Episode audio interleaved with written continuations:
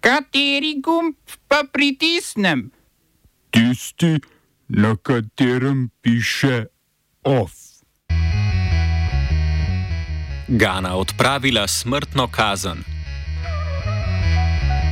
Kamboški premijer Hun Sen vodenje države predaja sinu Hunu Manetu.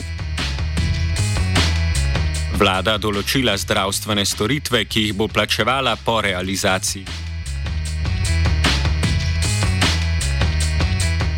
Kamboški premijer Hun Sen je sporočil, da se s prihodnjim mesecem umika z položaja in ga predaja svojemu sinu, vojaškemu generalu Hunu Manetu. Kralj ga bo po napovedih očeta na to mesto predlagal 10. augusta, kar bo 22. augusta potrdil parlament. Hun Sen položaj predsednika vlade zaseda od leta 1998.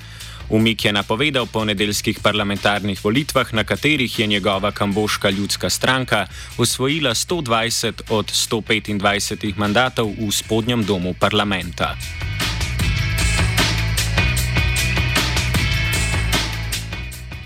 Ganski parlament je izglasoval spremembo kazanskega zakonika in s tem prepoved smrtne kazni. Doslej je ta veljala za obvezno kazen v primeru umora. Zadnjo usmrtitev so v Gani sicer izvedli leta 1993. V državi je trenutno na smrtno kazen obsojenih 170 moških in 6 žensk, ki so v čakanju na usmrtitev. S prejemom prepovedi se bodo njihove kazni iz smrtne samodejno spremenile v dosmrtno zaporno kazen.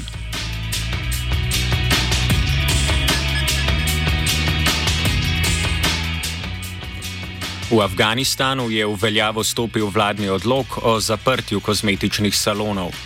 Odločitev so vladajoči talibi utemeljili z visokimi cenami na poročnih slavjih, kar naj bi družine spravljalo v finančne težave.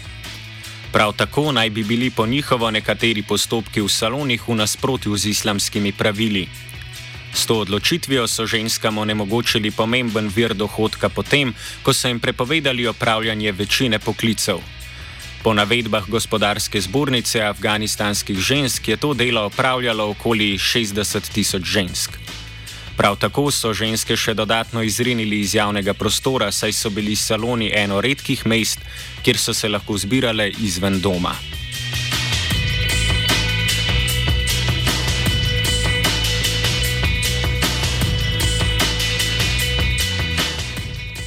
Zvezdni sodnik v San Franciscu John Tigar je blokiral nova pravila migracijske politike, ki jih je sprejela administracija Joea Bidna.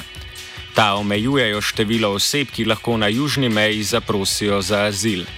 Migrantom in migrantkam je vlada preprečila tudi, da bi zaprosili za humanitarno zaščito, če neregularno prestopijo mejo ali če med prečkanjem druge države na poti v ZDA tam prej ne zaprosijo za varno zatočišče. Pravila sicer ne veljajo za otroke brez spremstva in tiste, ki bežijo pred nevarnostjo. Sodnik je pravila označil za vsebinsko in postopkovno neveljavna, odločitev pa bo v veljavo, v veljavo stopila s 14-dnevnim zamikom. Ministrstvo za pravosodje je že vložilo pritožbo na više sodišče, ministr za domovinsko varnost Alejandro Majorkas pa je sporočil, da odločitev ne spreminja statusa na meji.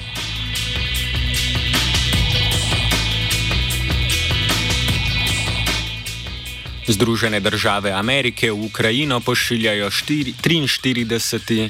paket vojaške pomoči v vrednosti približno 360 milijonov evrov.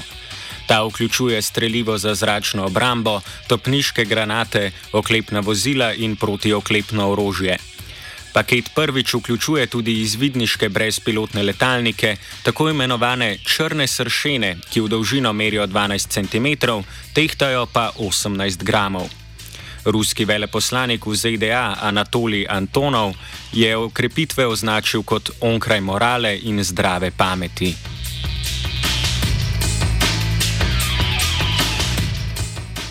Poslanke in poslanci Ruske dume so potrdili zakon, ki zvišuje najvišjo starostno mejo za obvezno služenje vojaškega roka. Ta se s prihodnjim letom viša za tri leta in bo veljala za vse moške med 18 in 30 letom starosti. Doslej so vojaški rok služili moški, stari največ 27 let.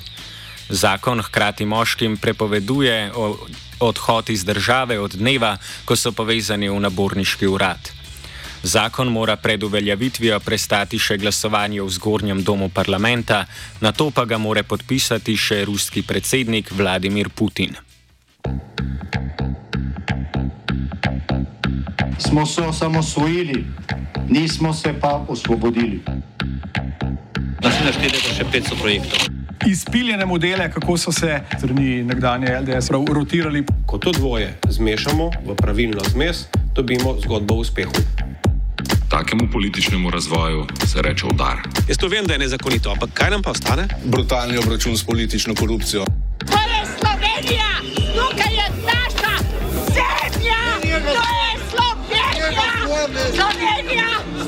Slovenija.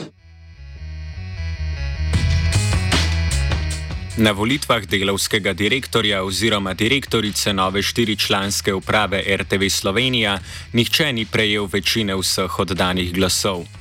V drugi krog sta se uvrstila športni novinar Franci Paušer in predsednik sveta delavcev ter aktualni svetnik sveta RTV Robert Pajek. V prvem krogu sta poleg njiju kandidirala še voditeljica dnevnika Jasmina Jamnik ter športni novinar Urban Laurenčič. Drugi krog bo potekal 16. augusta, s čimer se bo v pravi zapolnilo še zadnje mesto.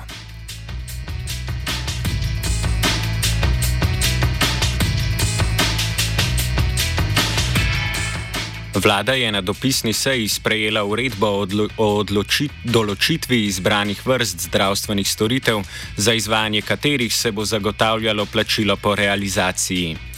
Uredba se začne izvajati z avgustom, saj do julija še velja, da vsi javni zavodi in koncesionarji dobijo plačane vse storitve brez količinskih omejitev.